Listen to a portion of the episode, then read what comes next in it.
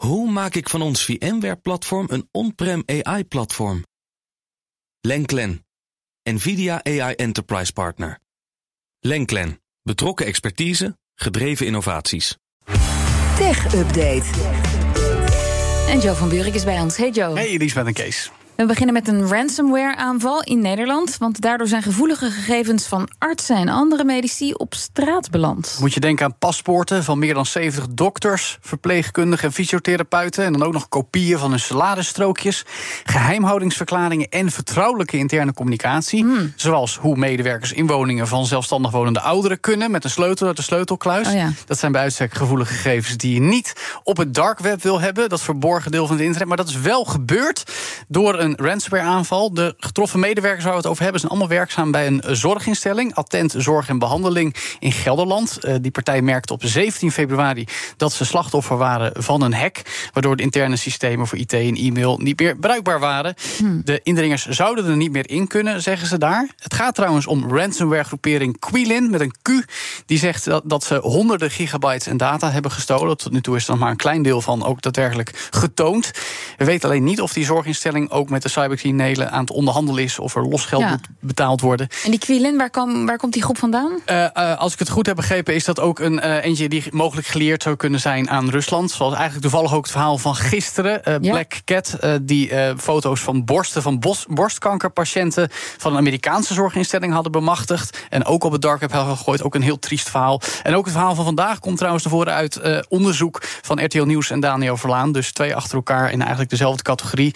En ja, we kunnen alleen maar zeggen dat het schandalig is dat ransomware-criminelen zich juist op de zorg moeten Die richten. kwetsbare sector. Precies, om daar hun eh, verdienmodel op los te laten, zal ik maar zeggen. En dan, in, in de Verenigde Staten wordt weer een belangrijke stap gezet richting beperkingen. Ja, komt die aan? Een totaal verbod op TikTok. Ja, wellicht zelfs wel, want eh, er wordt hard gewerkt aan wetgeving. Verschillende soorten bills eigenlijk en legislation. Waarmee in dit geval de Amerikaanse minister van Economische Zaken, Gina Raimondo, apps zoals TikTok zou kunnen gaan verbieden. De, Dus het gaat om een wet die zou kunnen... Ver... Ja, die verschillende mogelijkheden biedt om zo'n app, of eigenlijk technologie uit allerlei landen, eh, te beperken tot aan een verbod. Eh, in het geval van TikTok gaat het natuurlijk steeds om angst voor spionage door de Chinese overheid. Maar deze wet is dus wat breder geformuleerd. De Biden-administration krijgt dan dus via de minister de mogelijkheid om technologie uit China, Rusland, Noord-Korea, Iran, Venezuela en Cuba te verbieden.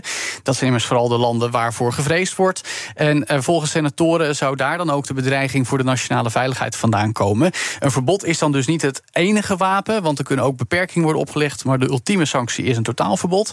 En wat opvallend blijft, Liesbeth, we hebben het al eens vaker aangehaald. Dit dossier zorgt voor verbinding binnen de Amerikaanse politiek. Vertel. Want zowel democratische als republikeinse senatoren schaden zich hierachter. In dit geval 12. Bipartisan support kun je dus zeggen. En dat zorgt er ook voor dat het in de lijn der verwachting ligt dat het Huis van Afgevaardigden deze wet zal gaan goedkeuren.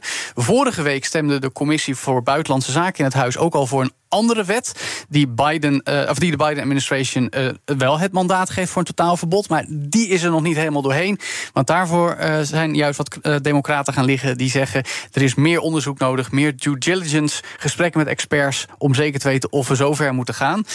Over de wet waar we het nu hebben, die de senatoren met zowel republikeinen als democraten voorleggen... komt vanavond om 9 uur Nederlandse tijd een persconferentie. Dus ik ben benieuwd wat er dan verteld gaat worden... voor vooral de 100 miljoen Amerikanen Ja. die actief zijn op TikTok. Maar wat, wat denk jij? Stel dat die wet erdoor komt, hè? laten we daar even vanuit gaan. Ja. Volgt er dan uiteindelijk een verbod op TikTok? Eh, nou ja, dat niet direct, maar dan is er de juridische Ja, mogelijkheid maar denk om je dat dat uiteindelijk daartoe gaat leiden? Ze kunnen de data toch ook lokaal in Amerika opslaan. Dan kan je het alsnog gebruiken. Dan kan je Dat zegt TikTok, ja. Maar we, we hebben nog steeds geen ultieme garanties dat het ook echt zo werkt. Dat is een beetje het probleem. Toch, toch die Sceptisch. waar dan eerst over gesproken Nou ja, nee, kijk, Oracle is hun technische partner. Die, Ja. eh, omdat ze die data op eh, eh, lokale eh, serverparken in de VS beheren, eh, voor een waarborg zou moeten zorgen. Maar daar wordt nog steeds aan getwijfeld door ook sceptische overheidsfunctionarissen.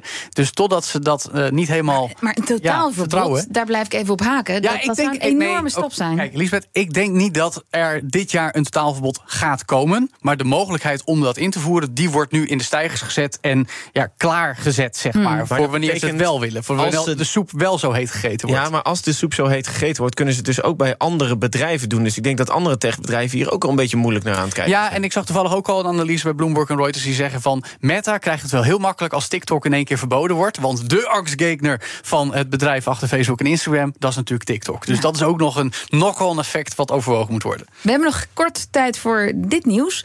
De markt voor draad koptelefoons en oordopjes is enorm of behoorlijk ingezakt. Ja, dat is mijn fout. Dat moet natuurlijk draadloze koptelefoons zijn. Want wereldwijd worden die een stuk minder goed verkocht. Afgelopen kwartaal was namelijk een uh, daling van 26% ten opzichte van hetzelfde jaar daarvoor. Uh, meldt onderzoeksbureau uh, Canalys. het gaat dus om draagbare luisterhardware. Dus van AirPods van Apple tot aan koptelefoons van Samsung en Sony, alles ertussenin. We hebben het nog steeds wel over een fors aantal, moet ik zeggen hoor. 112 miljoen stuks. Dat is niet niks. Maar tientallen miljoenen minder dan dezelfde periode een jaar daarvoor. Volgens onderzoekers vooral door moeilijke marktomstandigheden. Maar bij en Apple, COVID, denk ik dan. Ja, precies. Bij Apple was de derde generatie AirPods vertraagd door productieproblemen onder meer. Uh, Apple heeft nog steeds wel het grootste marktaandeel als het gaat om luisterhardware, 36 procent. Samsung zag wel ook de verkopen flink dalen, 24, 24 procent. En Xiaomi zelfs bijna 50 procent. 2023 zou ook een moeilijk jaar worden. Mensen zijn toch zuiniger. Uh, nou, stijgende inflatie, het hoort natuurlijk allemaal bij. Maar je kan ook zeggen, je hebt groeien en je bent er zuinig op, dan kun je er jaren mee doen. Precies. Ik heb helemaal geen voornemen om nieuwe te kopen. Die nee. kunnen nog drie jaar mee. Oh, heel, heel duurzaam. Joe van Burek, dankjewel. De BNR Tech Update wordt mede mogelijk gemaakt door Lenklen. Lenklen. Betrokken expertise, gedreven resultaat. Hoe maak ik van ons VMware-platform een on-prem AI-platform? Lenklen. NVIDIA AI Enterprise Partner. Lenklen. Betrokken expertise, gedreven innovaties.